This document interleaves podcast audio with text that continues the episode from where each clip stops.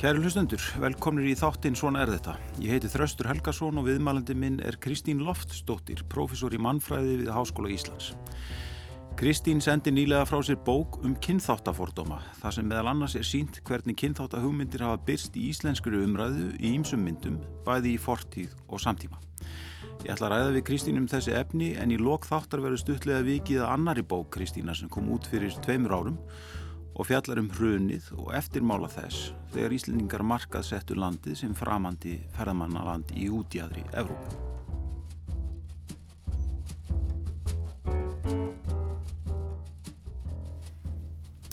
Kristín, velkomin í þáttin. Takk fyrir. Svona, það liggur nú bara beinast við að spyrja svona í byrjun, eru Íslendingar rasistar?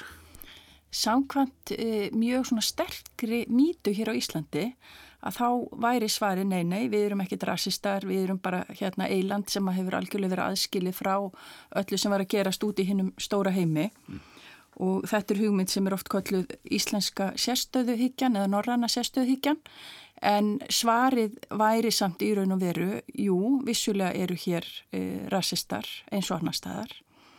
En það má kannski líka uh, undistrika að spurningin er kannski ekki alltaf að benda á þessi rasisti, þessi er ekki rasisti. Já, Markmiði kannski líka er að skoða hvaða aðtapnir uh, leiða til þess að við erum að endugera ákveðna formgerðir í samfélaginu sem byggja á rasisma og, uh, og kannski svona gaggrina spurninga um hvort að við viljum með okkar aðtöfnum vera að stuðla að slíku bursi frá hvort, því, hvort að við lítum á okkur sjálfs er rasist eða ekki þá geta e, aðgerðir samt eða aðtapnir mm. einkennst af rasisma eða stuðlað af og endugjert rasisma. Já, þú hefði nefnið það að við erum kannski ekki alltaf nógu vakandi fyrir því hvað hvernig rasmi byrtist eða og hvernig, hvernig byrtist í orðræðu okkar svona daglir í daglir orðræðu okkur dagligum aðtöfnum. Já, einmitt, að, að stundu finnst mér umræðan hér svolítið einkennast af því eitthvað neina og ég er ekki að segja að það sé ekki mikilvægt að, að benda á að einhver sé að láta frá sér rasísk ummælandi, ummælið eitthvað þýnlíkt mm. en við verðum samt að passa okkur á að rasismi er ekki bara e, að einhver segja eitthvað sem er óheppilegt eða óviðandi. Mm. Það er líka að skoða e, hvernig rasismi er hluti af okkar samfélagi mm. og eins og ég sagði áður hluti af ákveðnum svona formgerðum, starri formgerðum sem við erum hluti af hér á, á Íslandi. Hann er, hann er í reglugerðum, hann er inn í, hann er kervislægur í appell. Já, einmitt. Ok. Hérna, eitt af því sem þú fórst og þú nefndir það hérna áðan uh, um, um svona um, um svona eiginlega einhvers konar sérst, sérstöðu eða svo skoðan að við séum sérstöða því leitið að við séum ekki rasísk uh, að við höfum einhvern veginn verið sko sakleysir af kynþáttafórnum og að þessi saga tengist okkur ekki uh, sko hver er ástæðan fyrir því Íslandingar hafa talið sér einhvern veginn undan skilda?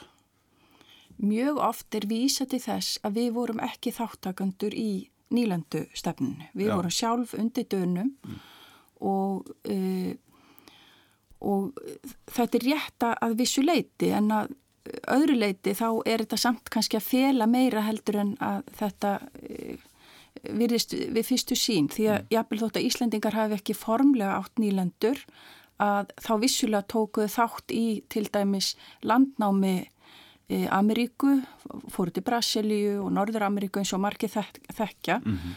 og þetta e, E, þetta landnám er náttúrulega hluti af sögu rasisma e, í bandaríkjónum og víðar. Það sem að e, fólki sem bjó fyrir í þessum löndum var ítt í, í burtu og, og landi síðan gefið uh, uh, landnæmum. Mm. Og svo líka uh, eru við hluti af þessari sögu að því að Íslandingar voru sjálfur duglegir í því að endur óma og, og gera sínum þessum hugmyndum uh, rasismans sem við finnum í Evrópu til dæmis á 19. og, og 20. öld. Mm. Þannig að þeir tóku þátt í að í ákveðnur umræðu uh, um sagt, uh, fjölbreytni til dæmis í námsbókum, í, í bladagreinum og annað slikt í, í svona almennri samfélagslegri umræðu. Mm -hmm.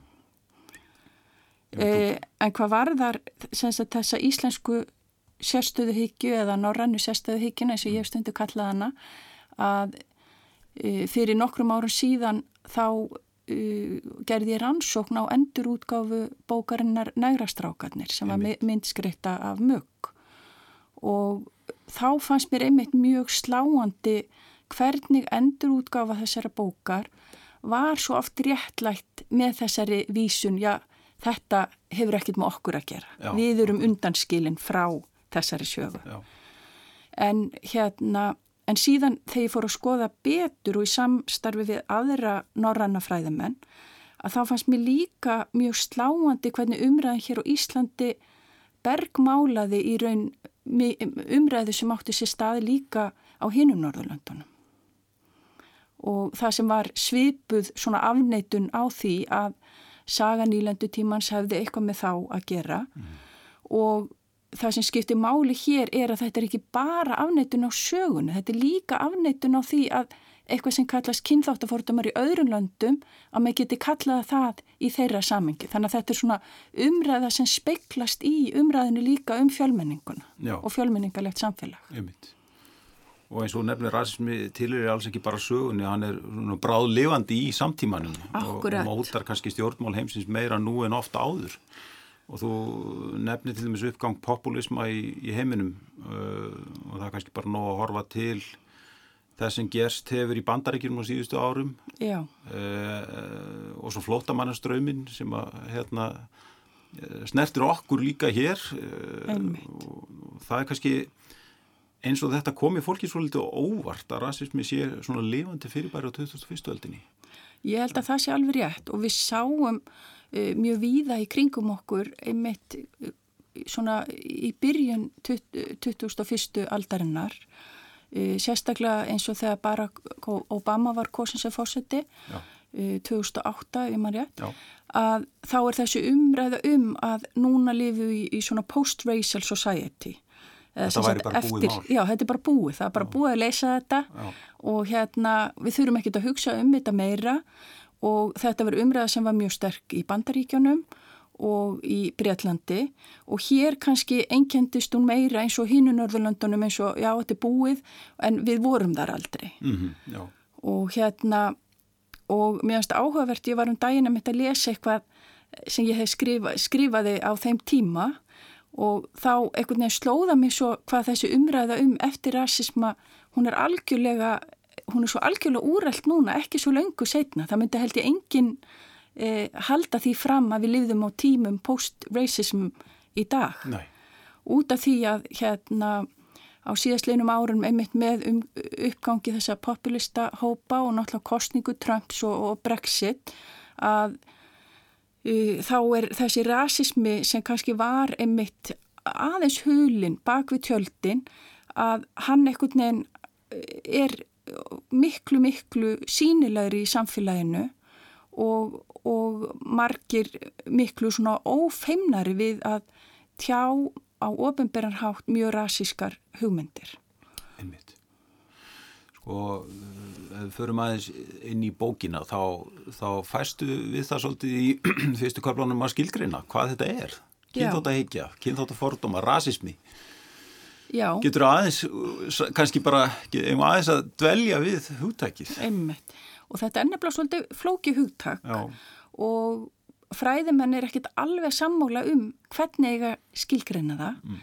og hérna og það sem skiptir hér máli eru þetta hvernig við verðum að skilgreina hugtækja þann hátt að það sé gaglegt til þess að skilja þetta fyrirbæri mm. sem að við sjáum fyrir framann okkur. Já. En eitt af því sem ég vil kannski byrja á að undistrika er að rasismi vísar í fyrst og fremst félagslega flokkun, ekki lífræðilega flokkun. Mm. Uh, ég held að þetta sé orðið eitthvað sem er orðið svona kannski hluta þekkingu, uh, stærri hluta hópseldur en var fyrir 20 árum síðan eða 10 árum síðan en, en uh, það er mjög langt síðan að fræði fólk hefur sínt fram á að kynþættir eru í raun ekki til mm -hmm. sem vísindarleg flokkun á fjölbreytileika mannkins. Mm -hmm.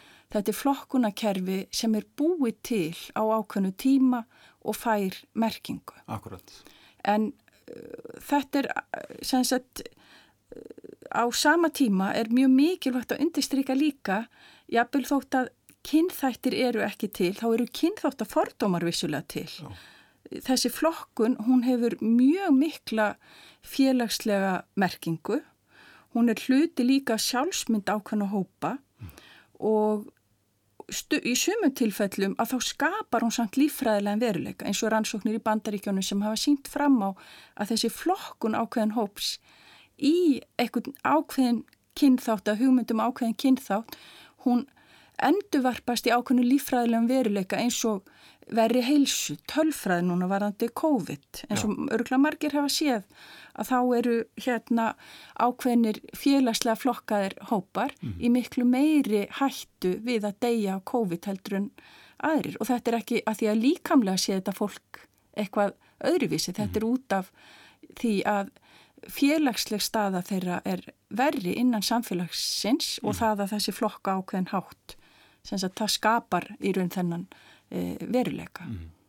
En það það, semst, það er, er, er hægt að skilja á milli þarna þessar, þessara hugmynda um sko, líkamlega einkenni mismunandi kynþáta Já.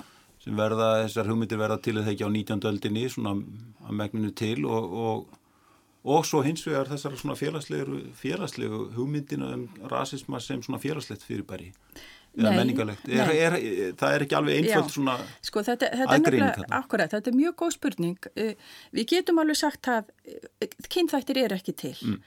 en hérna en hugmyndir um kynþætti hafa alltaf flett saman hugmyndum um líkamlegt atgerfi en líka menningarlega og félagslega þætti. Mm. uh, oft talar fólk um að uh, eins og kynþáttahyggjan hafi bara snúmist um lífræði fortíðin.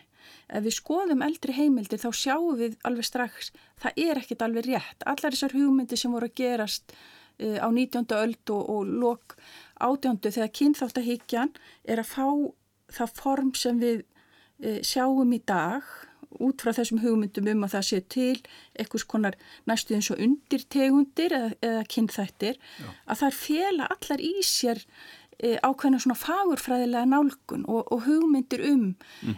einhvers konar e, e, þrep menningar, ákveðin menning og ótrúlegt nokk þá var það ymmit menning þeirra sem voru að, að rannsaka kynþátahyggjuna eða, eða kynþættina að það var auðvitað aðsta menningin og hún flettaði síðan líka saman við hugmyndur um kyn. Já, já. það sem að sérstaklega þá kallmenn, hvítir kallmenn voru uh, þarna efstir En, en það er nefnilega svolítið gaglegt að, að skoða einmitt umræðu um e, kynþátt um flokkun í kynþætti í lok 18. aldar og byrjun uh, 19.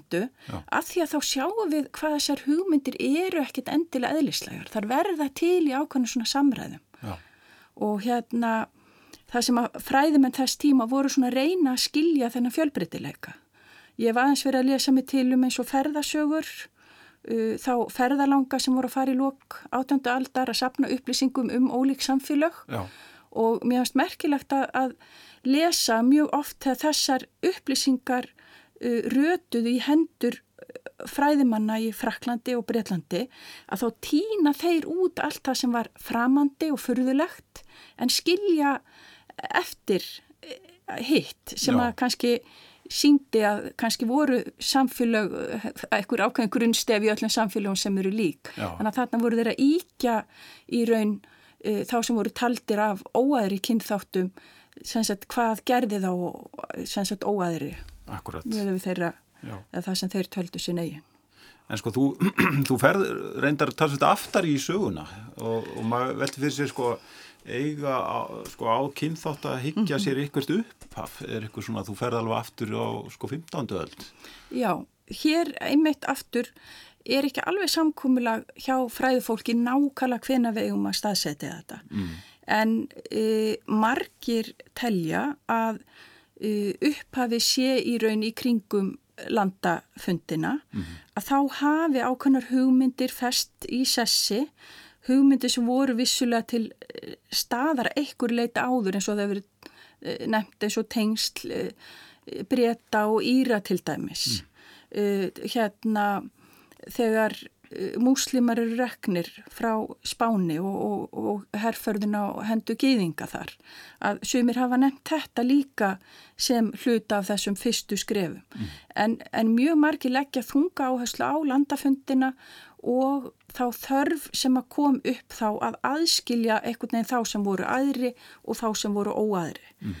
til að réttlæta þá bæði e, þrælahald og það að taka í raun land og auðlindir frá fólki sem að bjó í ákveðinu samfélum og þá þurfti náttúrulega að sína fram á að þessi samfélag væru minna virði heldur en samfélag uh, Evrópu búana sem að, að komu og, og voru að leggja þessi svæði undir sig. Þetta snýst þetta að stóru hluta um völd, eða ekki? Jú, og þetta snýst einmitt. Við held að valda tengslum á milli hópa. Já, og lengi vel voru, hérna, var fræði fólksvöld að deila um hvort þetta væri efnahagslegir þættir sem hefur búið til rasismann eða hugmyndafræðilegir að það hefði verið bara eitthvað í menningunni sem leita á það var dögt væri hérna svona merkingarlega verra heldur en það að vera ljóst en eh, ég myndi segja í dag þá lítur fólk á að þetta er svona ákveð sambland af þessu tvennu. Á ákveðinu tíma í sögu Evrópu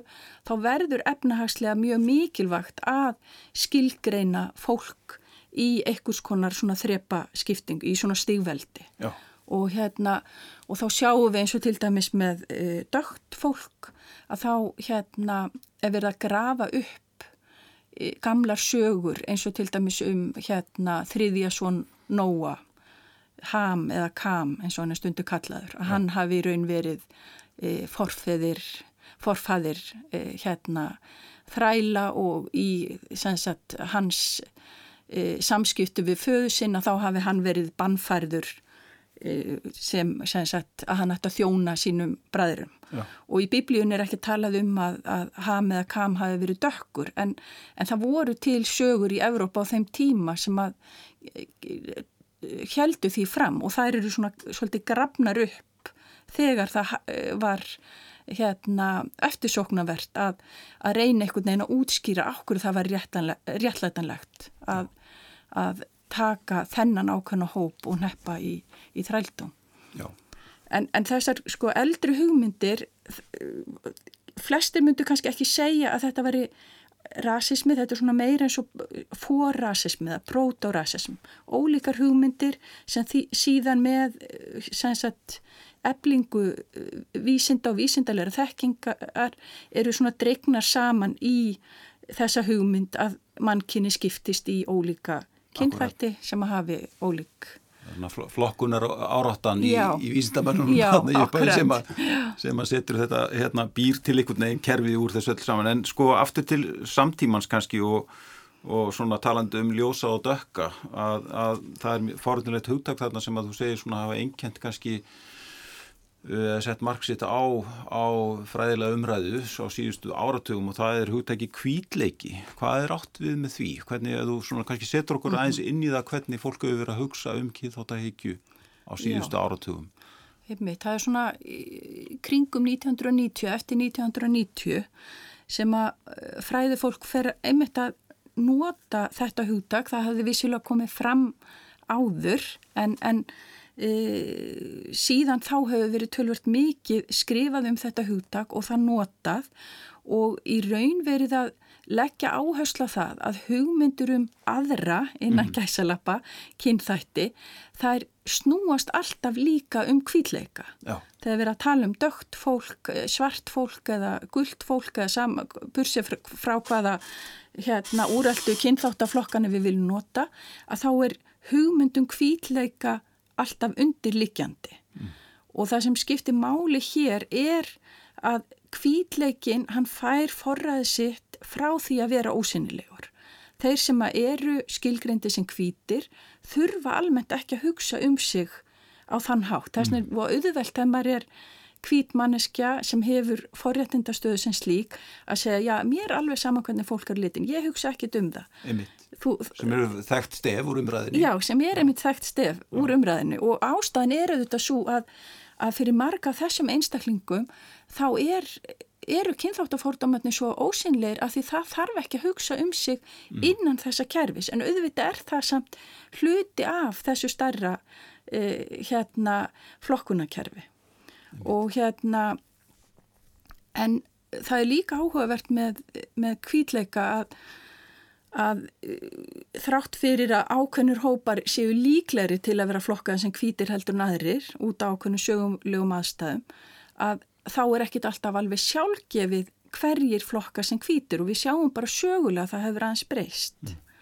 og hérna, ég myndist einmitt á Íra hérna áðan og, og það hafa einmitt verið gerðir ansóknur af því hvernig Írar urðu kvítir í bandarísku samhengi og mm. aðrir hópar eins og, eins og Ítalir sem voru svona taldir vera of blandaðir við hérna fólk frá Afríku eða of svona mikið söður Evrópu leir. Mm. Þannig að kvítleiki, mín nálgun á þetta hugtak kvítleika er að þetta er hugtak sem hefur að gera, við verðum að skoða það í tengslum við önnur hugtak, ekki eitthvað sem er fast og fyrirfram gefið. Mm. Heldur hvernig hugmyndir um kvítleika byrtast í, í samfélaginu í dag og, og samspil þeirra við aðrar hugmyndir. Já uh, sko maður velti fyrir sér svona eftir að lesa bókina sko um, hvort kynþátt að heikja sé ekki einhverju liti byggð á einfaldri heims, einfaldari heimsmyndi eða, eða sko tilneyingunni til þessa einfalda heimsmyndina. Og sko þú, þú nefnir þarna uh, múslimar sem dæmi, þeir eru mm. á annan miljard í heiminum og búa í mörgum löndum til þeirra mörgum þjóðum, eru ólíkir eins og þeir eru margir bara eins og kristnir. Já. Uh, en þeim er yðurlega stilt upp sem mjög einsleitum hópi. Og, og þú tala nú þarna oftar en einu sinni til þessum hriðverka árið svona 11. september 2001 þegar þetta er mitt kannski verður svona mjög ríkjandi stef það er, það er svona einhvern veginn að stilla þess óvinninum upp, búa Einmitt. til óvinnin sko og og, og einmitt, einföld heimsmyndið, einfölduð heimsmyndið er kannski vísist að leiðin til þess að búa til átök eða óvinn skilgar einu okkur frá hinnum einmitt og, og við sjáum einmitt hvað var það múslima að eftir einmitt 11. september 2001 að það voru vissulega fordómar í garð múslima fyrir þann tíma mm. en þarna sem sagt kaldastriði það er svona ekki lengur alveg aðal ofinnurinn þar hinnum en með hafið og þá rýs bara upp þessi gífulega eh, sterku hérna sterka umræða um múslima sem bara eitthvað svona einsleitan hóp mm.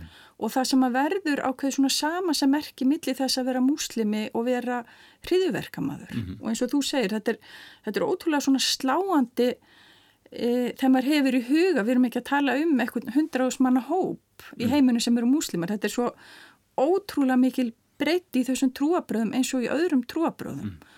og hérna og það hefur einmitt oft verið gaggrínt hvernig eins og, eins og hriðjúverk sem eru framinn á múslimum, hvernig það er alltaf tengt við þeirra e, sagt, það að þeir séu múslimar mm. í staðin fyrir að við höfum auðvitað líka hriðjúverk sem eru framinn af kristnu kvítu fólki en það er einhvern veginn rammað allt öðruvísi inn í umræðinni. Já. Oftast ekki sem hriðjúverk heldur einhverju trublaðir einstaklingar sem að hérna sem að ekki sagt í staðin fyrir að líta á þessu augahyggju kannski samhengi við hvor aðra, sama á hverjum hún er framkvæmt, þá er einhvern veginn þetta er alltaf aðgreint þegar eru einstaklingar sem að skilgreina sig sem múslima oft þá er þetta einstaklingar sem kannski nýlega hafa tekið trúnaðið eitthvað þínulíkt mm.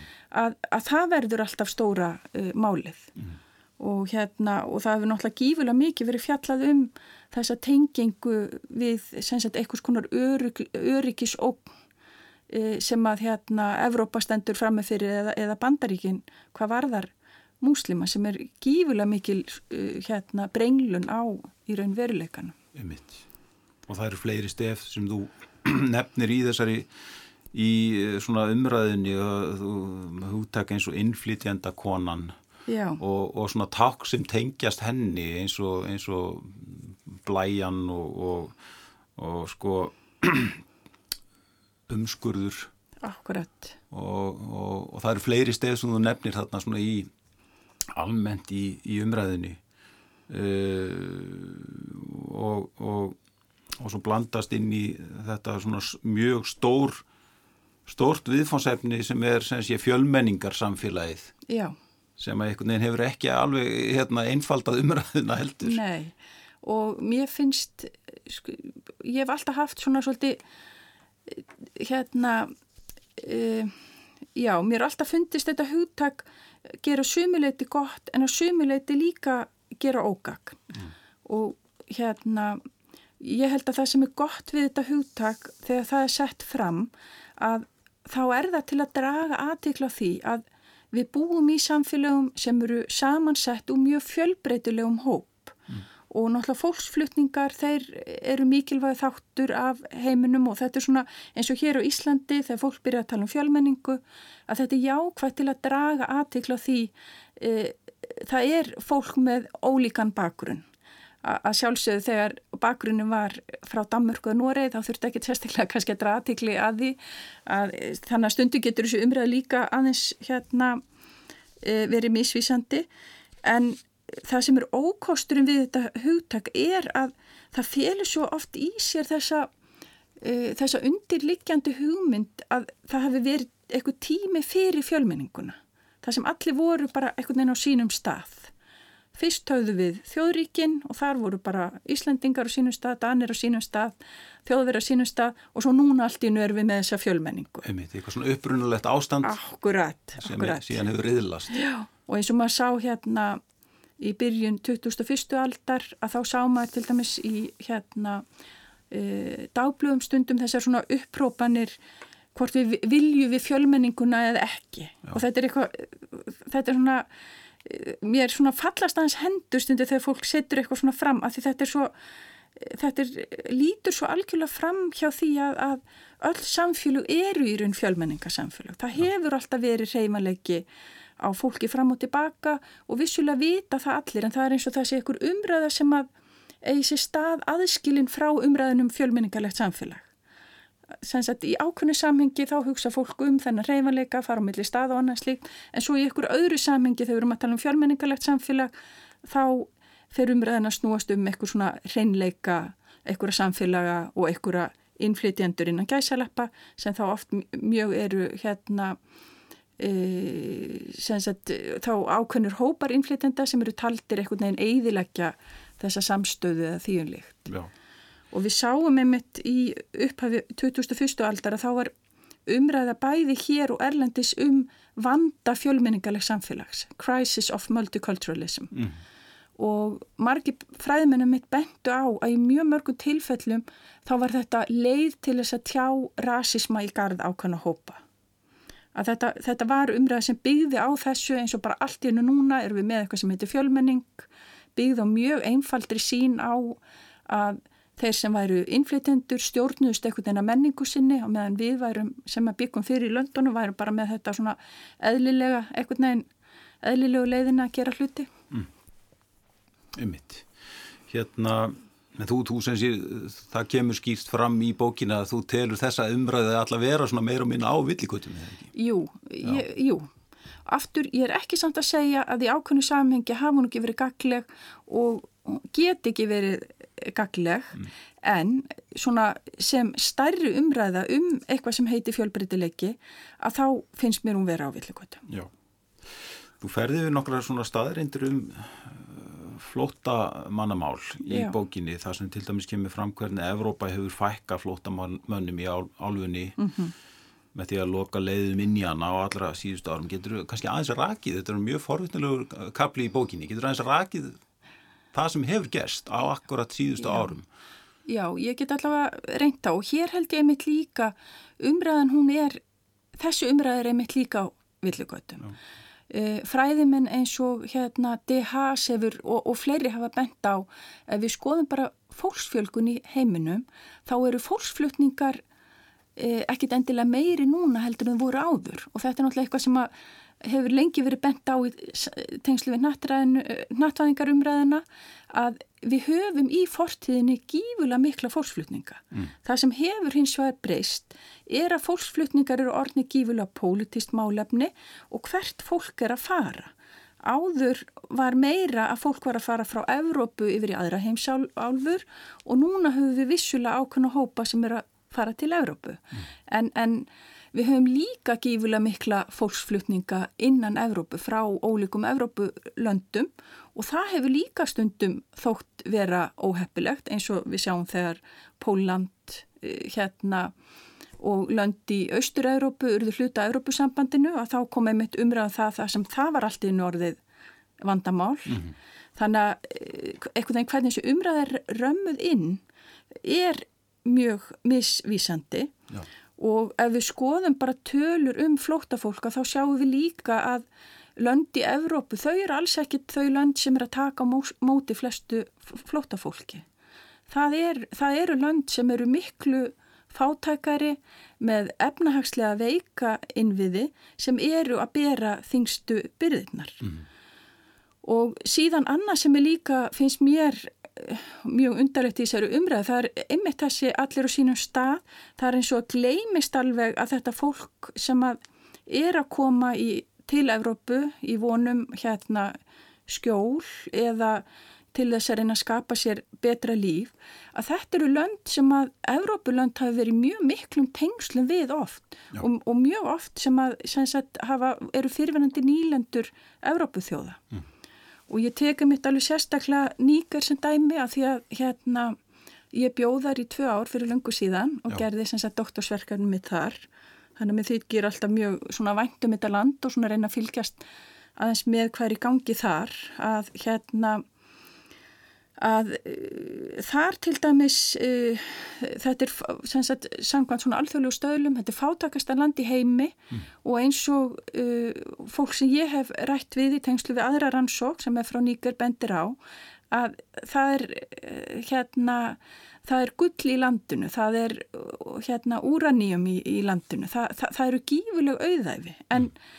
en samt er þetta land svona fátækt, Þa, það er eitthvað bóið við þá, þá mynd og hérna og þar líka kemur fram eins og, eins og hefur viða verið sínt að, að mikið af þessu fólki sem er að koma til Európu það hefur engan sérstaklega áhuga að vera í Európu. Mm -hmm.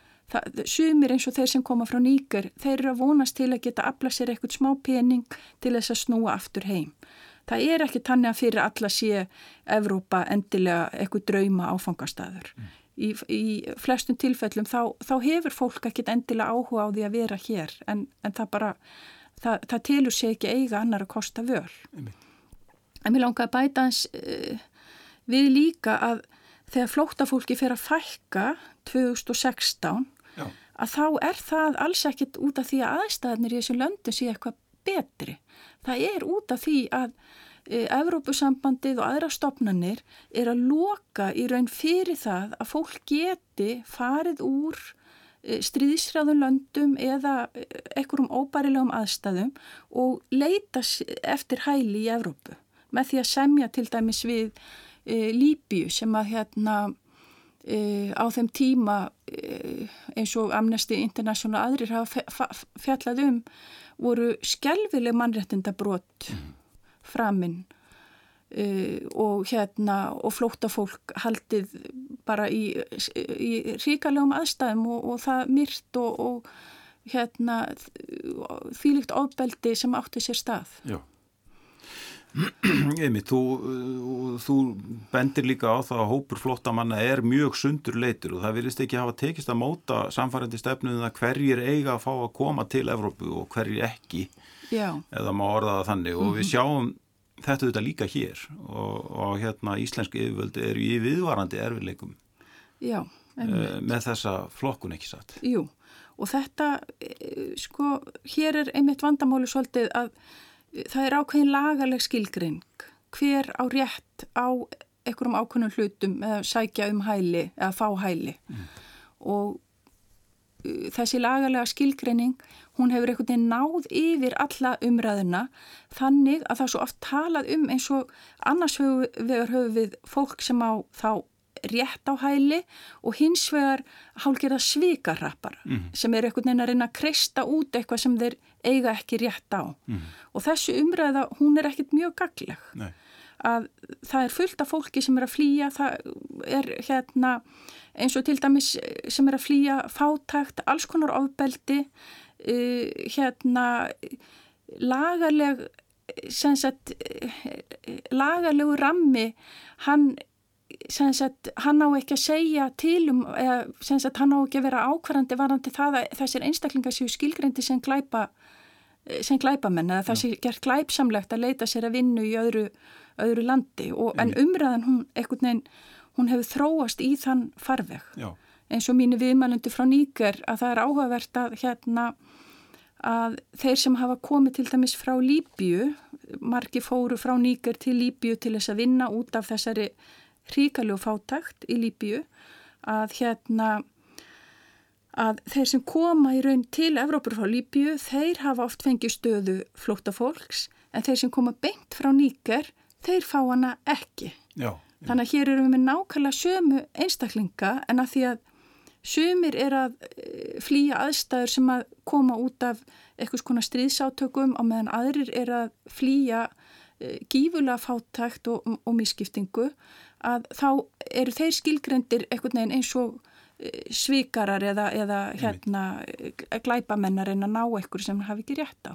Og sumt að þessu fólki hefur náttúrulega verið á flótta bara í ára tíu. Og svo er það annað, já. Svo eru aðri sem hafa einmitt verið á flótta í ára tíu en, en það er svo, það sé alltaf gert ráð fyrir umræðin að fólk sé að koma úr einhverju einu landi yfir í næsta. Já. En mér langar að bæta við hérna, einmitt nokkri viðmælendu mínu frá nýkar hafa sagt einmitt að hérna Eh, við sjáum núna, auðurinn hann fer allur til Evrópu og við bara ákvaðum að elda hann mm. og mér finnst þetta hérna, eh, mér finnst þetta áhugavert að rama þetta svona inn að því þetta sínir einmitt, þetta er ekki eins og fólk sé bara allir sér að koma og, og taka eitthvað frá hérna eh, sagt, eins og þetta sé ykkur aðskilin rými nýker og Evrópulönd. Það er einmitt bara mikil tengsla milli og það sem að Evrópuríki er að fá til dæmis hérna ramagn og annað e, út af sínum hérna út af einhverju samningu við stjórnvöld í nýkur og út af þessari arlega sem nýlandu tímin er. Emitt. Og þessi kannski erfileikar við það að, að móta einhverja svona samfærandi stefnu eh, um, um það hvernig á að taka mótið þessu fólki og, og hvaða fólki þá og og hérna hún kannski helst uh, svona á einhvern hátt í hendur við þá ímynd sem Íslingar hafa skapað sér á undarförnum árum. Svona sem henni ein, einangraða einsleita þjóð í útjæðri í norðsins uh, sko e, eða hvað?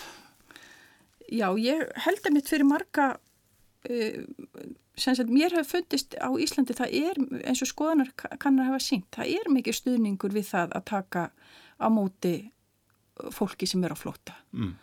og hérna og við sjáum aftur og aftur uh, samúð með að svona áið ekki að vera að fólk sé bara hendi burtu í einhverjar aðstæðir sem eru uh, óásættanlegar auðvitað getur við ekki bjargað öllum mm -hmm. eins og ofta er notað á móti en, en hérna en sem betur fyrr þá virðast mjög margir ekki þá vera fastir í því að leiðin á móti því sé að, að reka allt fólk í burtu sem leitar hér skjóls en, en hérna en, en því miður þá hafa Íslands stjórnvöld eh, haft oft mjög harða stefnu og, og réttlætaða einmitt með tilvísun í stefnu annara Evrópulanda mm. en, en þau hafa líka mjög harða stefnu sem hefur alltaf verið að verða harðari og harðari með árunum mm. og hérna og það má kannski minna á að til dæmis eins og land eins og Frakland, fólksflutningar frá Vestur Afræku til Fraklands uh, ég held fyrir 1960 þá var það bara allt annað heldur en er í dag. Það, bara fólk frá Vestur Afríku uh, gætt farið frekar auðveldlega til Fraklands, þannig að þetta þetta er líka nýtt einhvern veginn, það er ekki eins og það hafa alltaf verið þessi landamæri á milli, þessi vekkur á milli. Mm heldur það er eitthvað sem er búið að vera að byggja upp þessi, þessi harða stefna.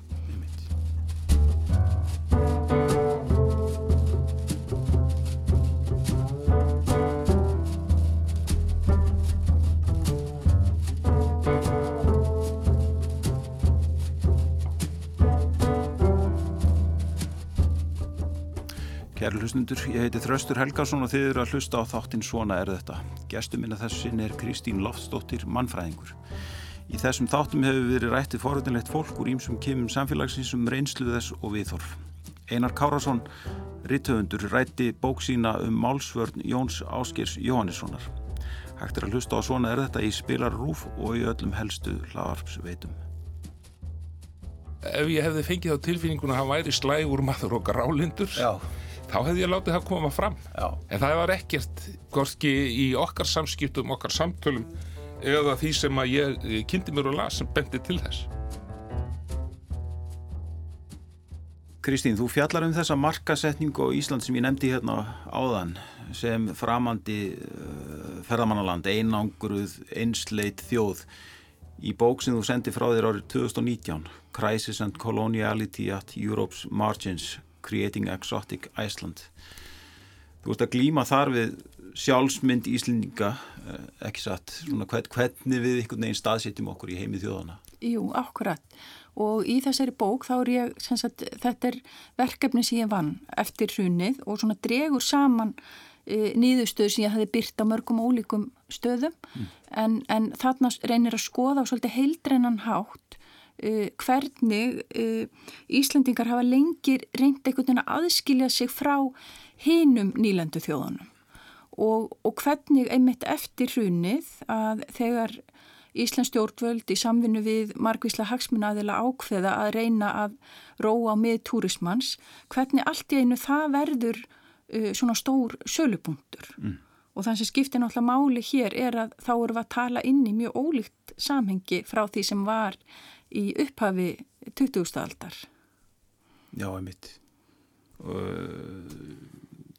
Þú bendir meðlans á, að, á það að Íslandingar fái aftur stöðu hinn að skrítnu og framandi í Európu í eftirmála hrunsins.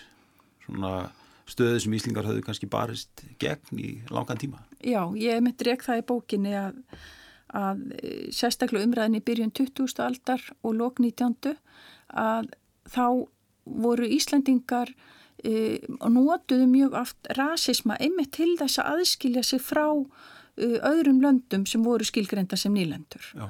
Að þeir væru e, sagt, á, ekki eins og þetta fólk, mm. ekki með því að fordama rasisman heldur einmitt að taka þátt í honum. Mm. Og Jón Aðils skrifaði svo skemmtilega tilvísun sem hefur verið svona svolítið mitt leiðarstef í þessu að hérna að setna myndu við sína hinum þjóðunum að við ættum heima í fremstu röð og mér finnst þetta svo skemmtilegt að því að þetta dregur svona fram einmitt þessa hugmynd um að það er eitthvað svona ákveð stígveldi þjóðana og að það sem að Evrópu þjóðunar eru í fremstu röðinni og við Íslandingar við eigum heima þar líka. Hína bara Evrópu þjóðunar átt að sé ekki alveg á því. Nei, og hérna og ég rek síðan þetta stef sem eitthvað sem er mjög mikilvægt í gegnum þá sögun og þá sérstaklega í hérna útrásinni og, og hrununu mm. að einhvern veginn að sína öðrum þjóðum að við ættum heima í þessum klúpi síða, síðuðu þjóðana sem væri svona merkilegastar í heiminum eða sérstakar á einhverju leiti. Já. Þarna eins og í, í kynþáttahyggjubókin er ég líka nota þessa hugmynd um uh, norrannu hérna, sérstöðhyggjuna, íslensku sérstöðhyggjuna. Og, og síðan hérna með þessari herrferð sem byrjaði 2010 að þá er í raun þessi hugmynd tekinu og hennar sumuleiti. Þú tala um Inspired by Iceland eða ekki? Jú, Inspired by Iceland, já. já. Að þá er þessi hugmyndirun tekinu og henni svolítið e, snúið við að það að vera öðruvísi e, á tímum sagt, 2001. aldarinnar að þá er þetta orðið eitthvað sem er mjög ákjósanlegt í markaðssetningu. E, við höfum hérna á svipun tíma nation branding eða þjóðina sem vörumerki mm. verða mjög mikilvæga og þetta er leiðin sem var nótuð að miklu leiti til þess að markasetja Ísland. Mm. En í bókinu þá bendi ég samt á að að mínu mati þá er sagt, árangur þessa markasherrferðar hann líka mótast að því að umræðan um Ísland eins og í tengslum við hrunið að hún líka byggði á þessari hugmynd um sérstöðu Íslands Já. eins og hvað var þar hérna að Íslandingar hefðu sett allar bankamennin í fangelsi. Ég er vissum að allir Íslandingar hérna þekkja þessa umræðu mjög vel og, og ég man bara eftir eins og fara Erlendis árin eh, frá 2010 og, og mörgum árum eftir en maður sagði maður frá Íslandi og voru allir bara vá, ertu frá Íslandi, það er allt svo frábærtar þið stóðuð upp á móti alþjóðlega hérna kapitalismannum eða eitthvað þýðurlikt og hérna og ég held að þessi herrferð hafi vissulega uh, grætt mjög mikið á þessari umræðu. Já, einmitt. Uh, Ef ég skilir þér rétt, erum við sko ennað glíma við fortíð okkar undir dönum. Uh, sem þessi nýlenda og við þekkjum þess að umræði í fræðið samfélagi um það hvort að Ísland hafi verið nýlenda eða ekki og þetta er eilíf glíma og, og hérna uh, við erum alltaf einhvern veginn að reyna að sanna okkur sem sjálfstað þjóð og nú, nú síðast með frábærum árangri hérna, á heimsmæli kvarða í glíminu við COVID Einmitt. þetta er eiginlega endur tekníka á bara því, því sem gerðist í hrunnu Já, það er svolítið áhugavert nefnilega að hérna, ég byrjaði að skoða þessa hugmyndum, þessa sérstöðhyggju í raun fyrir hrunni þá í tengslu við útrásina og skrifaði mitt eitthvað um það Já. og svo fannst mér einmitt svo sláand eftir hrunni að þá var hérna umræða sérstaklega fyrsta árið að við værum eiginlega best í því að takast á við kreppu. Ekki best í fjármálamarkaðum, heldur í, í því að klíma við kreppu og svo einmitt eins og bendir á núna eftir COVID að þá aftur skýtur þessi umræða einhvern veginn upp kollinum. Að við erum best einhvern veginn í því að fást við COVID Já. og hérna og við sjáum alveg ennþá þetta sko hvað eru aðrar þjóðir einhvern veginn frétt um fréttina sem byrtist erlendis um Ísland mm, og, og þetta er eitthvað sem að mér finnst alltaf verið svo heitlandi eitthvað neginn að, að, að sjá. Þetta var náttúrulega kannski fyrir 20 árun síðan var þetta alveg sérlega mikilvægt en, en þetta hefur samt ekki alveg horfið. Hva, hvað segir þetta um okkur? Hvað, hérna? Já. Er þetta, er þetta ykkur, eru við með minnum á þetta kendi í, í, í hérna, samfélagi þjóðana? Ég held að það sé alveg rétt og þessi svona þessi svona kvíði ekkert neginn að vera flokkuð á ránganhátt mm. og aftur uh, uh, þetta félur í sér ofsalega svona ógagrina nálgun á eitthvað stigveldi þjóða þar sem við viljum ekki vera flokkuð með einhverjum hérna uh, þjóðum sem voru áður nýlendur eða, eða þykja svona neðarlega á sér stigveldi mm. og mér finnst þessi umræð hún ekkert neginn poppar upp aftur og aftur ég teka mitt þarna Lókun McDonalds sem Já. dæmi sem var hérna eh, ári eftir hrunið mm. og hérna og þá er mitt margi mínu viðmjöldu þau tölum, þetta, þetta snýst ekki um að ég sé svo hrifin að McDonalds hambúrgurum, þetta bara snýst um einhvern veginn bara svona þessa alþjóðlegu niðurlægingu að við höfum ekki einu sinni McDonalds, við Nei. getum ekki einu sinni reykið McDonalds mm. en kannski er þetta breytast núna með hérna nýri kynslu á fólki sem er svona meira kannski vakandi fyrir því sem er að gerast í hennu stóra heimi. Ég, ég veit það ekki, en, en hérna... E, og þjóðin er að verða fjölbreyttari? Já, og þjóðin er að verða fjölbreyttara, já.